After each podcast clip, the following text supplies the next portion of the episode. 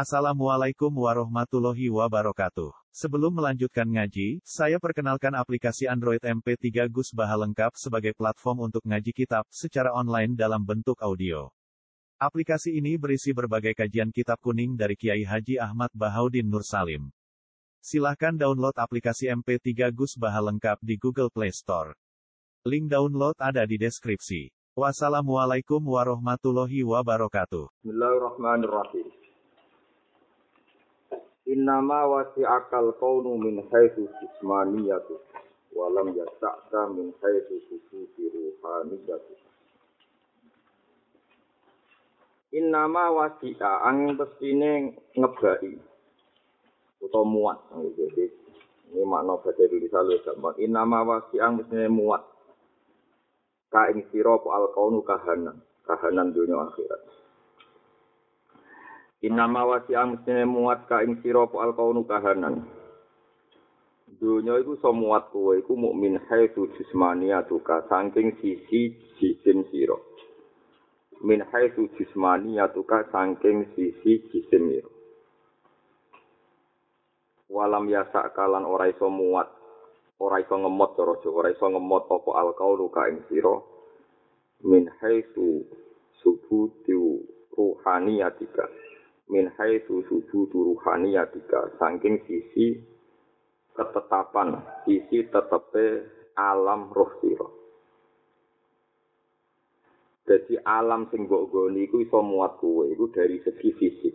Fisik kita misalnya dhuwure sak meter swidak senti. Berat kita misalnya 80 kilo. Fisik kita ini bisa diadai dunia. Tapi roh kita itu ora iso diadai dunya. Mergo ruhe manusa iku sak alam langit lan alam nopo bumi. Mergo ruhe manusa iso dialog abe apa subhanahu wa ta'ala. Ini rumah no tenan. Kalau kalian ini malih. Misalnya kados saat ini di rumah. Dengan ngaji hikam ini di rumah. Berarti secara jisim manusia itu iso diadai omah, iso diadai alam. Jadi sangat-sangat secara fisik itu sangat-sangat terbatas. Tapi pikirannya menuso, ruhe menuso itu rasa diadai Wong wong saat ini darah pikiran tapi buatan ini ruh. Apa ini apa? Ruh, ruh itu so menjangkau macam-macam. Mulane ngendikane niki kula cerita sensitif, tapi rung ana sekali salah paham dadi zintik zintik kafir sing bulat jenis Hindu. Kafir sing apa? Bulat. Nganti angger menusa kadang potensi dadi wali. Bahkan iso nampa hitop saking Allah lewat hadis. Kata sing dialami Syekh Abdul Qadir Jilani Abdul Hasan Asyadili. Mergo duwe roh. Ruhe menusa iku piye-piye nek dibersihno iku iso alam malakut. Senajan ora nabi. Tapi suwali erohe manusa iku ya iso bersambung be kekuatan ik sing kita ora roh secara fisik. Tapi iso di kekuatan luar biasa mergo pertolongane setan atau berkawan be setan. Jadi intinya rohe manusa iso menjangkau alam malakut sing terhormat. Ya iso ma'a asfali safilin be setan. Dikunane kuno iku wis ana ik. Iki faktor sing kita ora roh, tapi ngerti-ngerti roh itu kekuatan sedemikian rupa. Ya, contohnya ngeten misalnya, ini sing nyata, kalau didono sing contoh keliru, contoh keliru, contoh barang gak bener. Uangmu nak nyantet, nyantet tenang, nyantet tenung gitu. Kalau begitu, tolong apa tenang, nyantet tenang. Wah, ya lucu. Misalnya kalau beda nyantet dia nggak betul apa satu fisiknya dia, gue nopo rambut sing coplok, nopo biasanya golek pikir sing kuno. Sing kanggo maksudnya ana sifat napa sambut bulu-bulu gua abe dong abe nopo golek no sumur tuwa maca mantra. Eh, cara teori akal. Lah ora masuk akal. Wong e umak umik ning radius 7 kilo. Sing disantet yo kok kecet-kecet tenan. Yo kroso efek sangko kesantetan. Nah seperti ini itu alam jismani, alam fisik tidak bisa menangkap kekuatan seperti itu. Sifir itu nyata, itu Rasulullah Shallallahu Alaihi Wasallam. Ini nanti disantet, dia orang Yahudi, jadi lapis binasok. Nabi api-api makhluk kesayangannya pangeran. Lu disantet wong Yahudi. Yahudi elek. Yo kok mandi. Nah, kok rumusno hubungan fisik antarane sing disantet mbek sing nyantet agak sambung fisik lho. Tapi ono kontrak kontrak roh, wis mbok piye critane pokoke ngerti-ngerti sing disantet itu yo. Terus Lha iku roh e manungsa iku ora ora kejangkau alam wadah cara bahasa Indonesia tak tahu alam wadah, alam jasmani iki ora iso nerangno alam rohani ini nopo. Ya ngerti-ngerti ngono. Pun tentu akhirnya kaji Nabi diselamat. Lah, laki itu nak nyantet ya persis santet Jawa. Boleh sisir bekasnya Nabi, boleh. Terus pokoknya yang terkait dengan Nabi. Terus pendem ning gone biru darwan oh ini biru apa darwan ubel-ubel lo ambek kolkun nakli nopo kalau sampai pelapa ya pelapa kurma cemplung noning syukur gue piye pokoknya berubel-ubel itu sing korbannya ya melok ke ubel-ubel melok Mulan Nabi ketika diwarai malaikat Jibril mau temu awidaten, saya Nabi pakai ani anu satu mutikol. Kau aku utul sama nopo. Ali. Ya jajal pian rangno. Dari segi alam fisik kalau terang nopi ya nggak ada jarak, nggak ketemu kok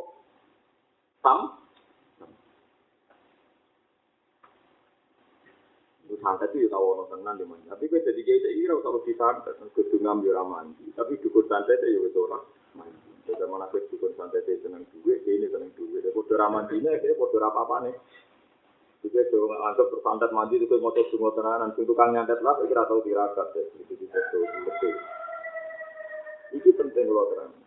Terus contoh elek meneh kaya wong kena mahabbah, kena pengasihan. Itu yo aneh tenan. Kalau cerita di dia, ya anak iyo ayu yang penting terpelajar itu memang elek kritis, buruk kan Malaysia. Masuk akal, anak pulau itu ayu itu waras.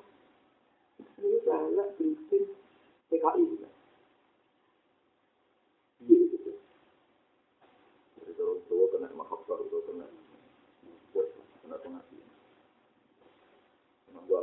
Gua punya arroh, gua juga.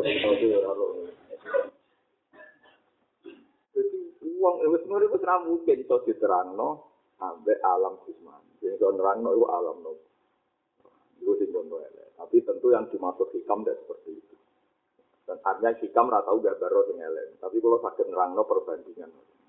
Bahwa tilkal amsalun nadribuhan wa binnas wa ma yaqiruha ilal alimu. Jadi kabeh butuh jono. Tapi sing dimaksud hikam alam roh temriki ini alam roh sing nyuwun sewu iki usul lebokno ati tapi di ilmu kudu tau kok rungokno. Piye-piye Adam iku tahu digawe pangeran istilah resmine Adam ning Quran ku wa nafakhtu fihi miru.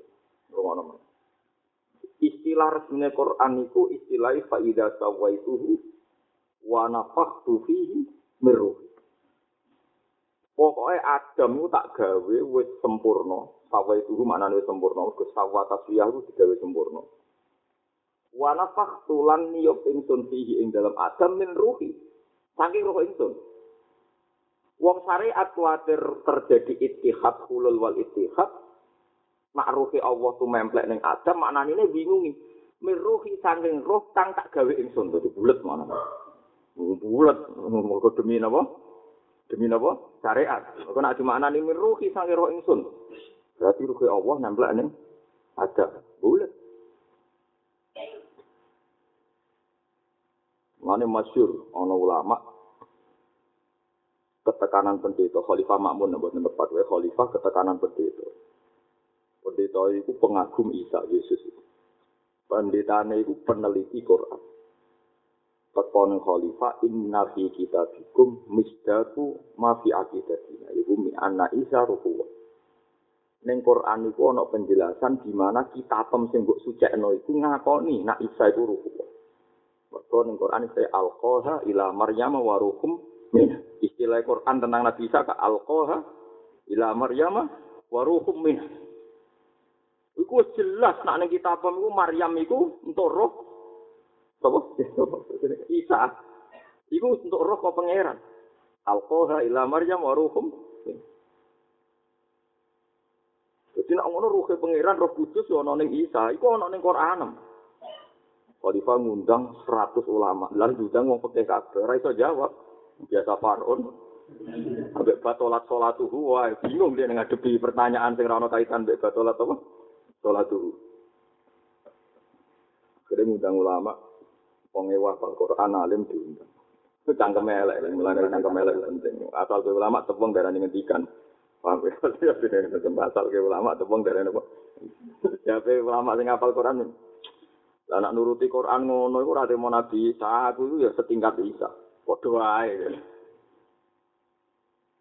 Lima ada pendetane tak kok lima ada. Mergo istilah Quran ning Nabi Adam, Nabi Adam lah wa nafakhtu fihi miru. Jadi ora isa tok istilah ngono iku. Adam pun wa nafakhtu fihi menurut aku turunane Adam padha wae Isa barang wis padha. Oh, iku pendetane ra iso omong. Mokre mulai disangoni cara duit saiki 100 juta. 100 dinar malah 100 juta. Dan sak dinar 4, 2 gram ya gitu. 4,2 gram peng 100. Wah, Mas Amel ya wis kemana. Gara-gara urun wis dalil untuk duit. Wah, sing jarane pinter barang. Sing batola salat umum ora entuk apa gara-gara ra iso. Ra iso napa? Ra iso nerangno. Ayo mulane terus ana istilah manta alamat bila sejen fase huhu.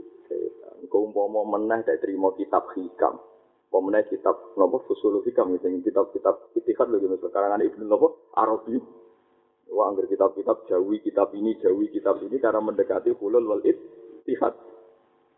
Quran nek ora mbok gurukno ya ana lafat-lafat sing kowe riskan iki ana istilah waruhum mina wa nafakhtu fihi mir. Ada wong klonek-klonek itu berhubung ruke Adam sangka Allah mulane malaikat kon suci. Wah malah gendenge tok ndi malah. Mereka Adam koyo goruke pangeran terus pantet. Boleh. Anda bener syariat mana nih wana faktulan yo ingsun fihi ing dalam Adam. Min ruhi sangking roh sing tak gawe ingsun. Oh, sampai kiai ini ngomong, oh sugeman ke maknani roh ingsun. Ono ono ancamane bareng. Karena sekali meleset ya. Oh, ini ngaji, pentingnya ngaji. Soalnya ini udah ada tak, nah. Alam itu aneh, mereka diterang disebut al arwah junudun hujan. Sama tak cerita ini, cerita wong soleh. Yang ora klenek cerita wong soleh. Haram itu, haram bin Hibban. Haram itu wong alim, tapi alim. Dia ini pengagum hadis tentang Uwais Al-Qarni. Kalau Nabi nanti ngetikan khairul kurun, Uwais nopo.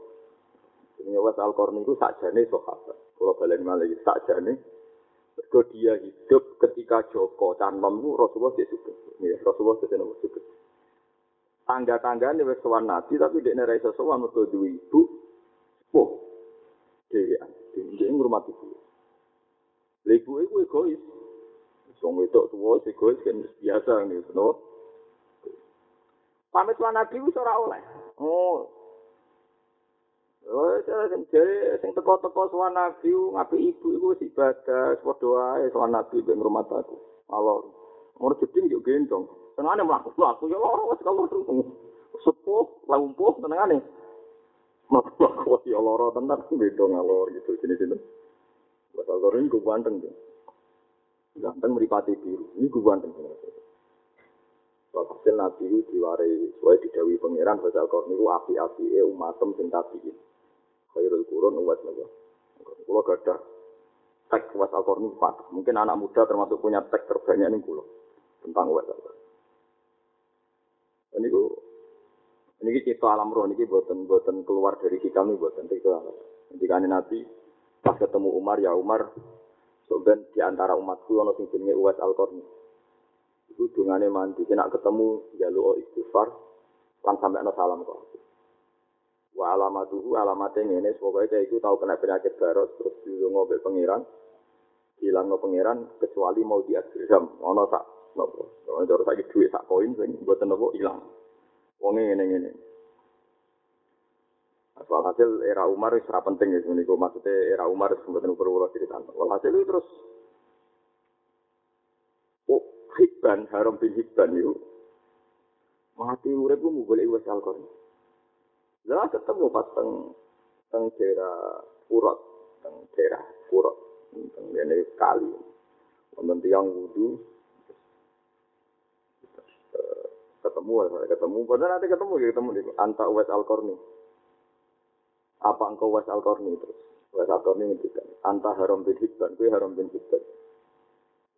Tak kok Haram Hibban kan wali-wali amatir kok jinan kertas kulo dari dari Uwais Al Korni aku rasa jenengem sak bapakmu sak mbahmu padahal ora tau kenalan itu Terus ngabari sinten?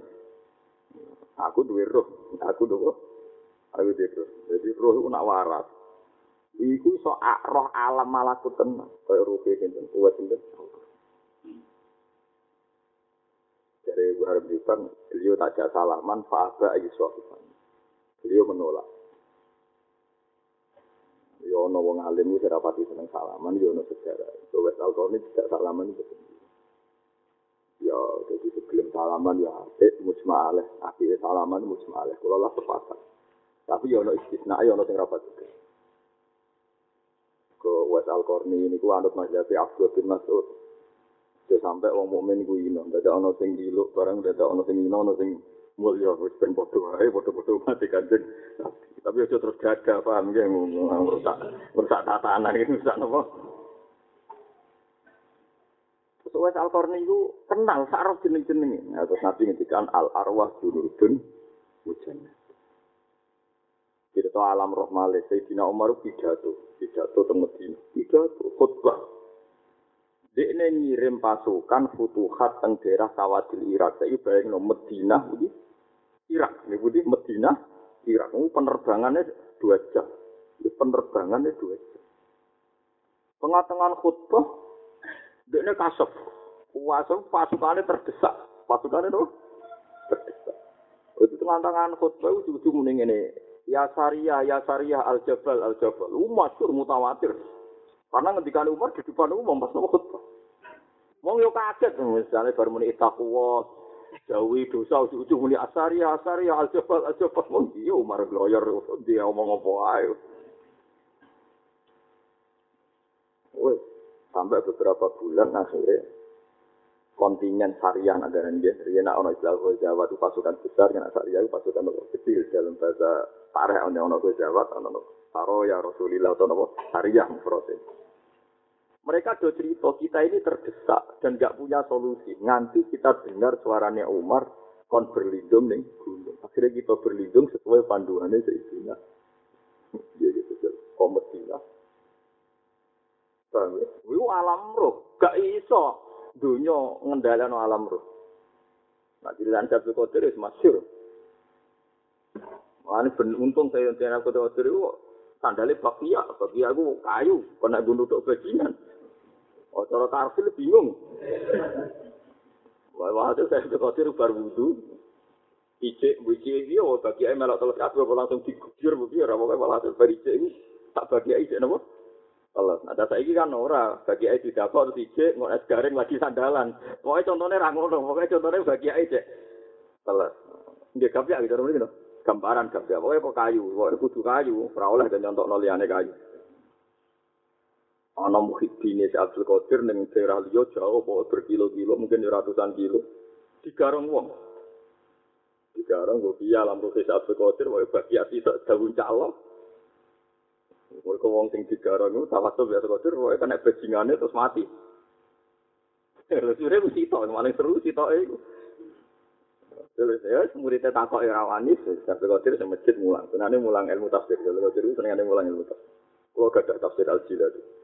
beliau paling hobi malah nopo tafsir.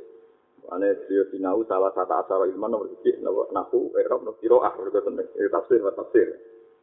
Kalau alhamdulillah gak ada teks tafsir ya kalau gak tafsir Tadi biji populer roh itu dia itu set hadir sering al jilad kita tahu soal itu nih kalau sering tahu tuh nah itu gang birang bulan gitu kan walhasil orang orang sowan gawe hadiah gawa emas kakek dia nih dia emas terus. Cerita murid itu tapi gawa bagian kita aku itu ngalami tiga rong akhirnya berdesak selamat pergo. Gak biaya saya berkotir gitu iya gimana Gak mungkin alam jismani son rangno itu, sing iso rangno alam. Nah wali Jawa sing masyhur Pak Khalil Bangkalan. Masyhur. Khalil wali. Ane wali iku biasa. Kalau dari kita kula guru-guru kula teng sarang Khalil iku salat. Dengan tangan salat iku gelayutan ning gone niku. Reng apa? Iso. Menawa elek ngono salat dhisik nganti kena digayo elek no. Saiki desain saiki kudu patang meter ben adem. Wah, iku Mbak Khalil bingung gayo. Jadi saya kira apa itu nih? Kudu yo. Nak rek apa? Dot. Tetengan sholat tuh gantungan. Ya sing ngono, muridnya sana ben kono. Sementara masih anut, udah anut imam, anut imam ke kafe malah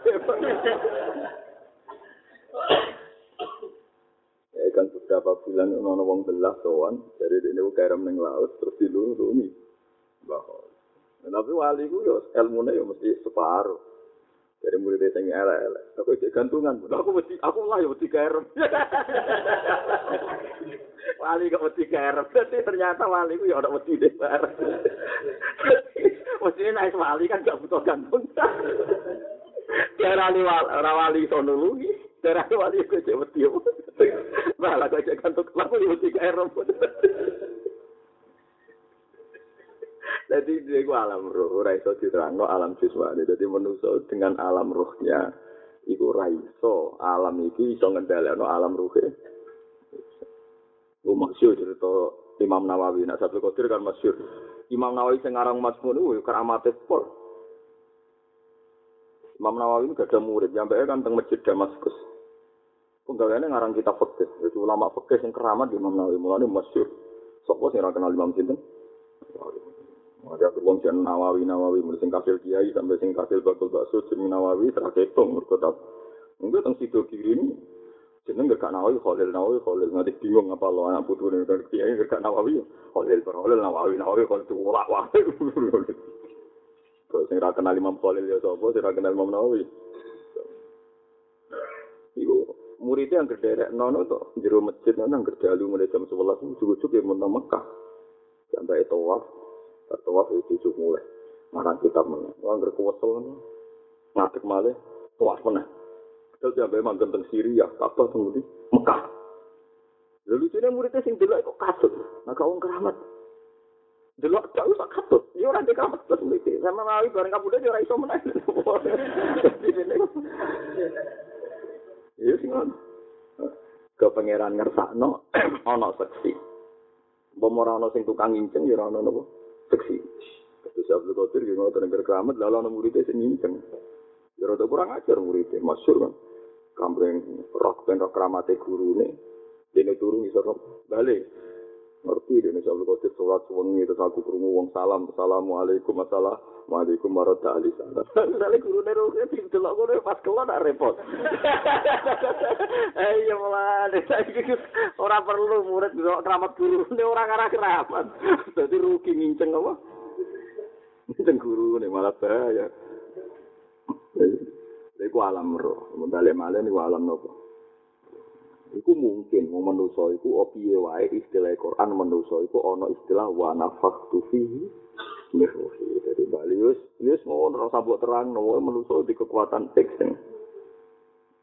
Cuma kene wong apik ora usah percaya sing golongane watu ceblok kok langit terus dadi obat ngalang ngono iku ora usah iki kita percaya alam roh sing bener.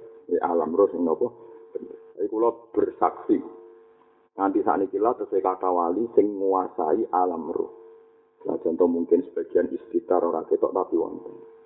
Asal wong yu soleh tetap di kekuatan alam roh sing ra iso dimuat ambek iki alam. Disebut apa walam ya min khaisu subutu rohaniyat. Jadi alam iki wis ambek rohe sampean ora ana apa-apane. Ya, malane dari Imam Ghazali, dari Syafil Qadir Jalani, dari Imam Nawawi, duwe donga jenenge Toyul Ardi. Dadi bumi ku sok napa dilem dilempet. Dadi sak jangkaan ke Syria, sak jangkaan ke Mekah gitu. Mergo bumi mau alam jismani, alam roh mau diliwati ngono to. Jenenge Toyul Waqti, napa? Iso nglempet waktu, iso nglempet bumi. Iku jenenge napa? apa alam nopo jadi jelas ya bener nih innama wasi akal kaunu min haitsu nopo jismani ya tuka tapi walam ya sakka min haitsu subutu ruhani ya tiga jadi. Alkain fil kauni. Alkainu tawi barang sing ana makhluk sing ana utawa barang sing ana fil kauni ing dalam alam iki. Kahanan iki maknane alam. Iki Walam tuftah lan ora den buka lagu kedue alkain apa maya dinul huyubi pira-pira medan alam gaib. Ana wong urip ning donya kok ora tau roh medan alam gaib. Iku berarti masjunun iku berarti kain sing dibuwi sing dibuwi to dipenjara bimuhi to tihi kelawan alam jusmani sing ngeliputi kain. Wa mahsurun lan berarti dekne dikepung atau dibatasi Maksur maknanya dibatasi, mulai disebut kaji muksor, kaji yang dibatasi. Mereka ora iso kasil ketemu Ka'bah, ini apa muksor. Wa maksurun dan berarti dekne den batasi fi haikali dadi ing dalam bentuk fisike zati kae. Jadi hikam ngenyek wong-wong sing ora muka safa. Misalnya kata kue ning jero omah, omah mbok tutup bahwa kalian balik kue ning jero omah omah mbok tutup. Yo ora roh jopo ya kue ning jero omah omahmu mbok tutup. Ketutupan tembok yo ora roh jopo mergo mahsunun bimukhitati masjunun apa? Kamu dipenjara oleh tembok-tembok yang mengelilingi Anda sehingga Anda gak tahu roh jopo dan fisik Anda juga terbatas oleh kepungan tembok omah. Mergo kuwe ning alam jasmani mergo kuwe ning alam napa?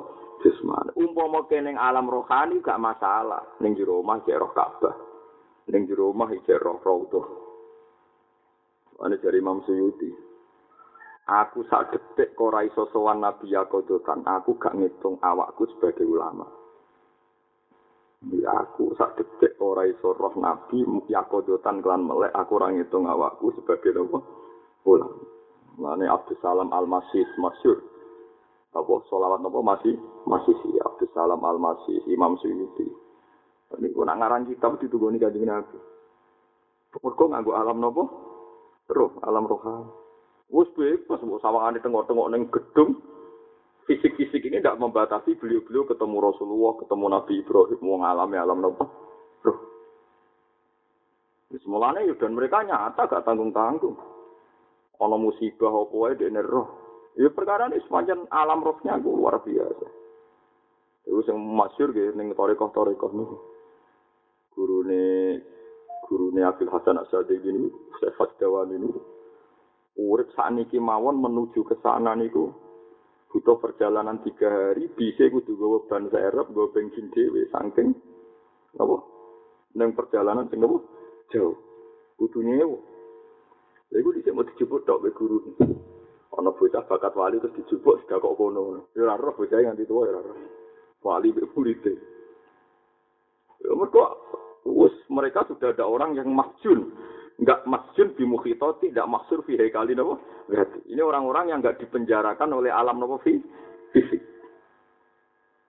Ya kita ora iso terbang-terbang ngono, satu bayar tiket antri ning bandara, pokoke sekarang mau wong ngono. Sajane ra apa-apa, kaya umume wong ya gak apa-apa, tapi ya duwe kekuatan apa? Rohan. Aja kok blas gak duwe ya, pisan-pisan kudu duwe. Mergo manusa iki keajaiban wa nafakhtu fihi beruh. Mane masyhur wae sabtu kodir ngendikan ora ana wali kecuali kudu anut aku. Sing tak kok ora gelem. Iku tak bedel kewalian. Ibu saya Yakut Almarsi pas ngaji ngaji di depan umum sirai di kene. Muridnya juga ujung-ujung sirai di dilo namun sami nawa atau na. Wape wali saat dulunya muni sami nawa atau na pas tengah tangan ngaji. Ternyata di detik itu Syabdul Qadir beat. Kudu tunduk sampai perintah ini, perintah ketua ini. Mana darah Nopo Sultanu Aulia itu ceritanya ada pernah alam kasop wali saat dunia itu udah di lono sirai di depan muridnya yang sirai itu dia muni sami nawa.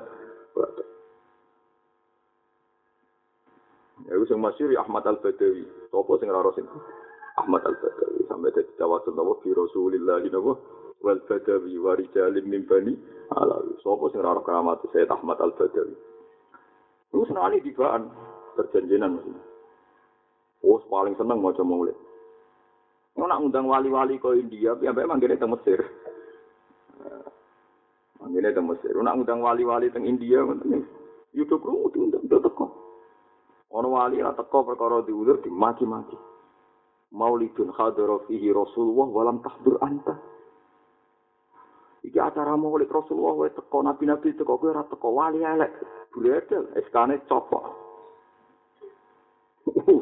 Soalnya Lah kowe ora teko ora dicopo kan ra duwe SK. Dengan aman ae. Mane ora usah daftar wali malah ono SK dicoplok bareng malah repot. Nak cara istilah teng manake fasalab tu napa? Halah. Salab tu mana dicopot. Napa? Iskane napa? Jabut. Jadi wali ono organisasi ini. Ono ketua, ono wakil, ono tukang survei, sing sing layak diambil sing gak layak. Jadi iku alam roh, alam roh. Wong sing ora ngalami ora percaya, mosok iya. Lho ya mungkin ae mergo manusa duwe alam roh. Wa nafakhtu fihi. piye-piye istilah Quran menuso iku wa nafaktu fihi. Wis kira apa maknani nemen-nemen umpama kepeksa maknani ya anut makna syariat ben ora darani ittihal hulul wal ittihal.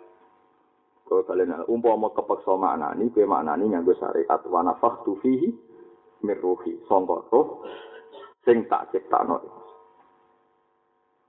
Jadi paham ya, tadi kena mau tentang Nabi Isa, misalnya Al-Qoha ila Maryam wa ruhum minah. iku ora usah berlebihan muji Isa jenenge Roh Kudus. Nak wong Nasrani andarane Isa niku Roh Kudus. Lah bareng ngene belajar Quran seneng perkara ana istilah pengakuan nak Isa iku waruhum Si mau nanti ketemu ulama mah. Wah, nak ngono ra isa to. Aku rak podo ya. Sore muni ra Adam, aku rak podo. Mergo aku anak turune. Adam, wakot kola ta'ala fi haqqi Adam wa nafakhtu fihi. Wah, dari isen kan orang Kristen nih, jebule ra isa tok. Jebule anggar wong ya. Roh, rasido deh, rasido bangga. Wah, cocok nih, ya. suka, suka mendadak. Ini ora nolak, ya rezeki tompo ae. Jadi paham ya, macam nangel. Mulane wong kudu tau dadi wali. Iki pisan misalno kudu ngakoni alam. Nak kula survei teng tiang awam ngeten. Wong awam sing lugu-lugu nate kula tang lebih. lebih dari tiga orang. Mesti wong tahu ngalami ngeten. Mungkin sampean pernah ngalami ini ada pertanyaan dari saya. Kowe kadang-kadang lunga di satu daerah, mau daerah mana saja. Lu kadang koyo koyo koyo daerah itu pernah lihat, padahal tidak pernah ke situ. Iku kabeh wong ngalami. Kok koyo aku tahu roh daerah ini, padahal belum pernah nopo ke situ. Jadi manusia mesti di memori sing di luar kendali ini. Kok koyo tahu, padahal ya orang nopo. Mbah pira kadare wong ya mesti tau ngipi sing ngipine kenyataan. Senajan to mbah pira kadare, wiling-wilingan nak alam roh itu iso membaca alam roh. Kalau kalian malah iku wiling-wilingan nak alam roh iso maca alam. Waktu wong awam lah mesti tau ngipi sing ngipine iku apa? Kenyataan. Mbah pira kadare. Ya mereka mau sing ngontrol lu alam nopo roh. Alam roh itu iso menjadi tumpul, menjadi goblok, gara-gara masjunun binu khitoti wa mahsurun fi haikali napa dadi jadi melane alka inu fil kauni walam tuftah lahu mayatinul uyub alka in sing ngene iku iku masjunun binu khitoti wa mahsurun fi haikali. Dadi tapi nak makome wis dhuwur wis lepas sangka iku iya dhewe niku kanjeng Nabi teng hadis kutsi Faiza ahbabtuhu kuntu sam'ahu alladhi yasma'u bihi wa basarahu alladhi yubsiru wong sing wis ibadah tenanan para kaku nak aku wis seneng dewe pangeran nak aku wis seneng matane ndekne ya mataku tangane ndekne ya tangan. Ya sebab bayangno wong kok dinyatakan pangeran tangane ndekne ya tangan. Tu mripate ndekne jadi masuk urip ning berduaan iso delok Mekah mergo kuntu samahu alladhi yasma'u. Iku sing wis makome kok Sabtu Qadir Jilani Abdul Hasan Asadili. Wah, ora sampean delok critane wali-wali ku pengalaman mbek murid luar biasa tenan. Nak ngandani misalnya murid e pelunga wis wis kondang tenan kok cerita-cerita wali-wali iku mungkin ya mergo alam nomor. Lah saiki senajan kita kula jenengan orang lakoni aja terus ra percaya. Wah itu tidak masuk akal gini. Ini ora butuh persetujuan akal kok. Akal iku akal elek kok. Nah, ini nak kalau nak ketemu sekuler-sekuler itu tidak masuk akal pak kayak gini gini. Sini ada masuk akal. Menurut saya tidak masuk akal. Agama itu butuh persetujuan akal. Malah sekarang akal agama apa? Coba akal akal agama rusak. Aneh-aneh. Kayak gini sing tukang uji kebenaran sare. Agama beda ini hubungannya apa? Ini yura nabi, yura ulama. Lah apa agama butuh persetujuan akal ya? Ya mungkin naik. Tak mulane manusa iki iso abadi fil jannah. Mergo di alam roh. Alam roh iki iso abadi agagal agal. Mulane wong kudu ngaji. Piye-piye maknane wa nafaktu fihi mirruhi. Kena apa kok mirruhi? Lho nyatane manusa iso abadi ning swarga. Umpama ora ana unsur mirruhi bagaimana mungkin jisimnya manusia iso napa? Abadi. Wis ngono rasa jerok-jerok. Tapi ya tetap manusa ora ana bulul, ora ana ittihad. Ono rasa ciro ciro. tapi kudu tahu krungu. Ilmu senajan ora paham pokoknya tahu nopo krungu. Jadi orang ini katanya, yang pokoknya aku tahu ngaji hikam iso iso ono keterangan ngono. Lah persis piye pokoknya ngono. pokoknya kudu tahu krungu. Ojo blas gak krungu. Terus aneh malih Anta ma'al akwan malam tasyad al mukawin. Fa idza syahidtahu kanatil akwanu ma'aka. Antau te sira iku ma'al akwani iku terbelenggu sertane pira-pira kahanan. Kowe iku ya sawur tembok ya jejer tembok. Malam tasyak selagine ora nyekseni sira al mukawina ing dat sing gawe. Kowe iku alamem ya setingkat barang sing bareng kowe. Nek ora nyekseni dat sing gawe. Tapi faida syahidta mongko nalikane nyekseni sira hu ing faida syahidta mongko nalikane nyekseni sira hu ing al mukawin. Zat sing gawe kanat mongko ana apa alakuanu apa pira-pira kahanan iku maka iku sertane sira maka iku sertane sira. Kowe iku bersama akwan mergo ora nyekseni Allah. Dadi terbelenggu be akwan nak kowe nyekseni Allah iku akwan terserah kowe kanatil akwan napa? Maka ya contoh sing masyhur ge Khobab bin Arad. Khobab bin Arad itu sahabat. Niku mutawatir ya sahabat sing iman be nabi. Bareng disiksa wong kafir digawa ning perbatasan desa. Niku di penjara. Ditaleni tangane diiket sikile napa? Diiket dekne donga. Bareng ngono wong kafir ape mateni dekne niki beta baru be sahabat itu termasuk awal syahidin Islam sinten khobab benar masyhur Jadi sing awal syaitin fil Islam itu kan Yasir, bapak Ammar. Ammar bin Yasir, ibu jenis Sumayyah. Ibu awal syaitin fil Islam. Di ini, mana yang Nabi Nabi Ammar sayang. Mereka Ammar itu bin Yasir. Yasir itu yang pertama sing di ini fil Islam. Di ini tenggene haro-haro itu panas. Teng-teng di berkiwatu mati. Bilal bejo. Pas mati Abu Bakar liwat. Yasir rapati bejo. Mereka Abu Bakar pas gak nopo. Iya, tapi yo sejauh yang berguna boh suarga. Termasuk malih khobak, khobak benar. Kulo nu apal saire khobak, gimana kulo apal lo kesana itu baru. Kulo nu ini mau tentang kitab filiatil aulia. Khobak nu di penjara, itu wancang, di petenteng. Wong kafir ku nunjuk-nunjuk no pesone neng gulune. Kifalokanu Muhammad dan makana kahada.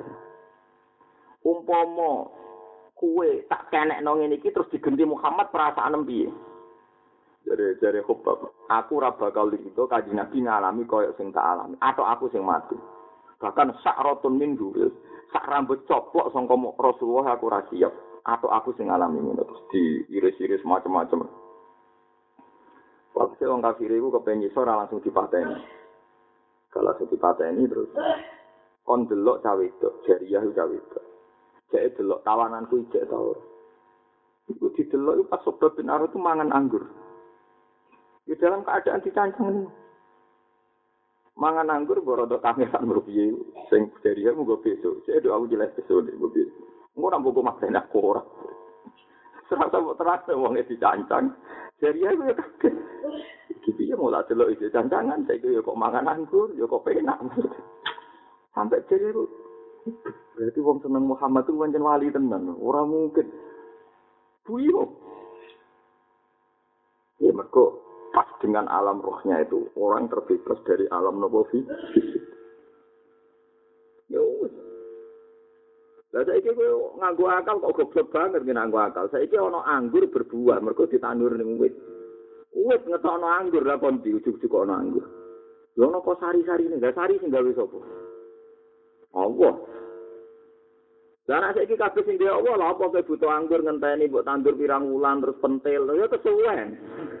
Mulane bener Sayyidah Maryam kepengen anggur anna lagi haga kolat gua intilah. Ya wae kan. Tanah ngasih lo wit, wit ngasih lo sari-sari ngasih lo anggur. Terus kok kabeh asal usule teko. Tapi kan arah wali ora usah golek anggur ning kamar ya ora ono tenan. Ora wali. Nek sawali ora usah engkek wis mergawe tuh ngono dhuwit tuku napa anggur. Ngono kolek ya diutang sak umume wong ngono. Malah macem ora wali ora diutang gak keren. Penting yo sing kira-kira iso nyawur, sing haram syariat diutang sing iso. Nambah angen-angen yo. Mulane kanjeng Nabi niki kula cerita, cerita sing tak hadis sok. Kanjeng Nabi ku yo lucu. Wes saiki kowe roh cerita piro? Khobab bin Arad ana anggur pas di penjara. Sing masyhur ning Quran sinten? Sayyidah Maryam, kullama dakhala alaiha Zakaria al-Mikhrab wajata intaha rizqa. Kata ulama itu contohnya anggur. Orang musim anggur ya anggur. Qalat sebut kullama dakhala alaiha Zakaria al-Mikhrab wajata intaha rizqa. Qala ya Maryamu anna laki hada. Qalat huwa min indillah. Inna huwa yarzuqu man yasha'u fi ghairi masyur. Nah, ini mana ke karuan, orang khalifah meragukan kewaliannya si Abdul Qadir. Soan, si Abdul Qadir, buat didono keramati jenengan binati kewayam. Pokoknya fa'akhoda fil hawa, ngomong dibuk nopo tufahah, tufahah ini ku apel. Dibuk loro, hmm, kayak tak kayak sitok. Barang khalifah itu kayak sitok, dibuka pada wadat penuh dengan nopo. Dan, sing wae satu Qadir wangi, takoi. Jenengan wangi, wae kalau cekel wali cekel wong dole mau foto iki haji lama sata ya wilayah. Iki cekel wali langsung wangi iku mbok cekel cak gentuk. Mana elek jadi ya di dolim kamu ini gentul. Ya semua ngono satu kecil gak masalah penting aku ramati jenengan. Wong nyamuk tenang aja dene butuh apa Mereka tak aku angen-angen. Bedanya apa? Allah gawe anggur lewat proses penanaman, ambek gawe langsung. Cara Allah tetap kun. Ora ono bedane. Lah soal kowe ora ono bedane, mergo urip mesti alam jismani, urung urip ning alam roh. Umpama ke alam ning alam rohani iso ngendhalekno donya iki. Wah, bisa ngendhalekno semasyur kan Nabi yo lucu. Malah nek ora hati lucu tenan. Nabi nak darak senengane ziro.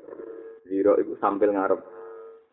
Jadi ziro buatan sambil gurih, bisa ziro itu sambil ngarep kemana nih ziro itu tangan tangan jenis standing sikil wedus rak sampai daerah biar besok tuh nah dalam bagian toro ini apa masa dulu ngaruh ngaruh ada kuat ngaruh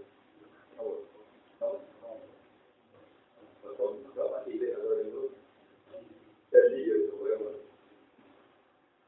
jadi sampai no biro kita dia nggak tahu Peno lah kita. Sebagai dua nabi dari kita. Peno lah. Tahu semua kok. Ini mesti tidak kalau jadi mesti tidak ya amok. Mesti ya Rasulullah. Nabi juga. Kowe muni agar peno ra wis, umpama kena dua peno diro iku ana nganti aku sik ngomong.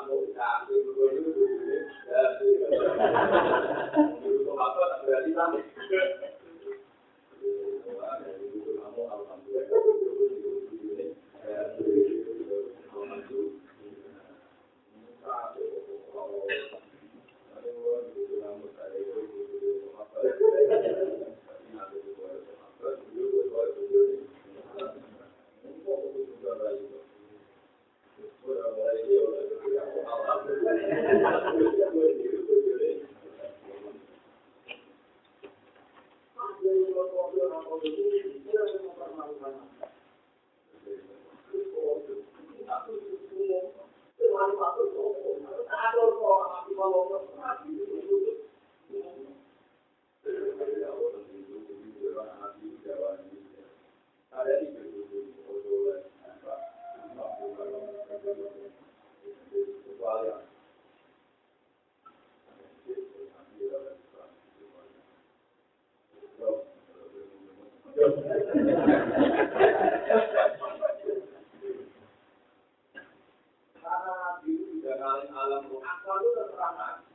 karena dilakukan maka orang yang sudah punya menyaksikan al-mutawi itu karena dilakukan maknanya apa dalam kendali dia dalam perjuangan berarti apa dalam kendali Ayo berarti apa itu alhamdulillah perawatnya mengelola lagi dua juga. Mungkin gitu, lah kalau itu gitu. Dulu rasa jangan uang mata berwarna. Karena kerjanya apa mahal suami itu di itu anaknya jadi musuh di Allah itu ke alam naga, kok mau kafir itu mau begini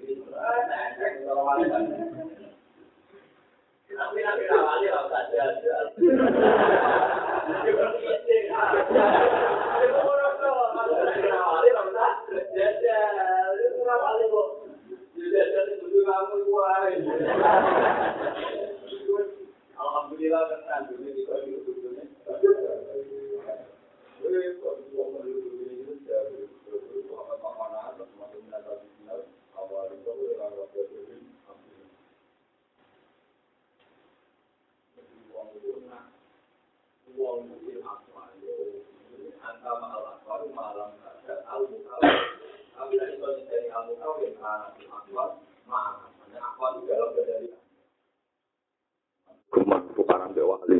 Di pas kopi cek picek tenan. Maksud no suka ya.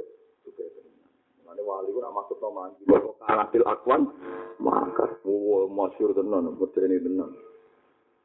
Mane wong nak apal Quran alim no mandi tenan. Nah, dungakno ya ora usah mandi tenan keliru malah repot. Tapi yakin nyata kula buktekno tenan. Wong kula nganti saiki wedi tenan.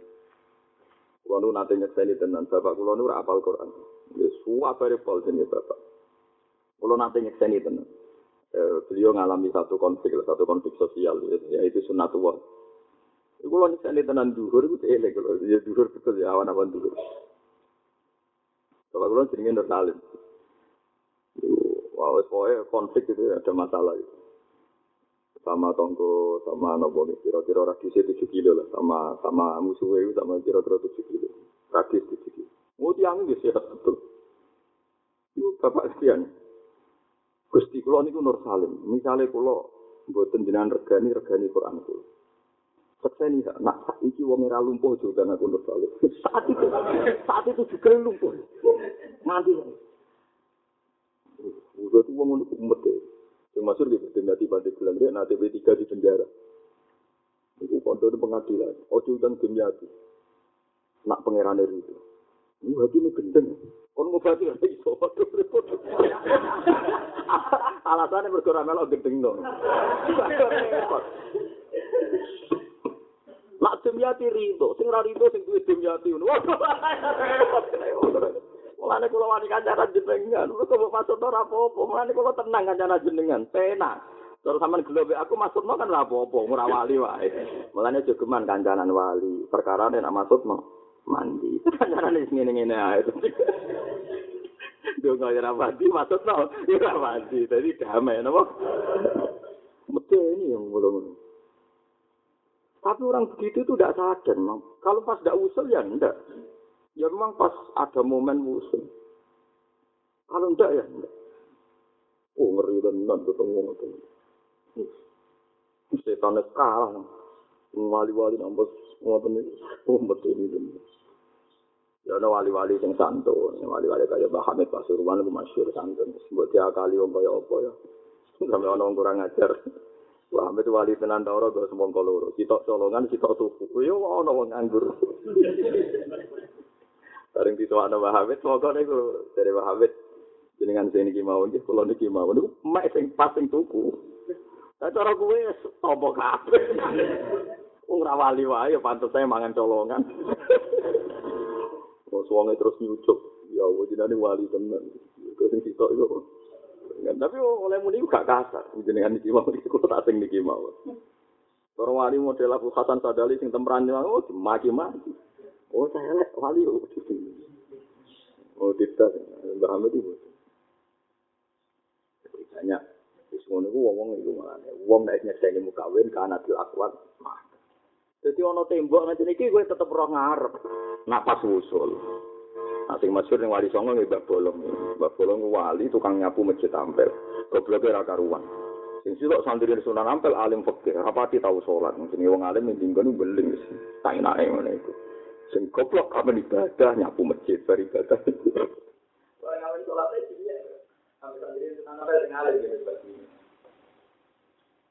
Oh, banyak aku sholat-sholat, paling sholat apa? Berapa? Tapi ya kan, itu tidak meyakinkan, misalnya kira wonten apa? Wonten jam bomba, wonten jam marah dulu, kiblat. Ini mau jalan sholat kira sanggup dari sana. Tapi kok lalu itu, bodoh bodoh. Belum itu apa? Itu apa? Sekarang ini berbolot, sekarang ini waktu. Tembok. Lagi tembok itu, oh dulu dulu. Apa?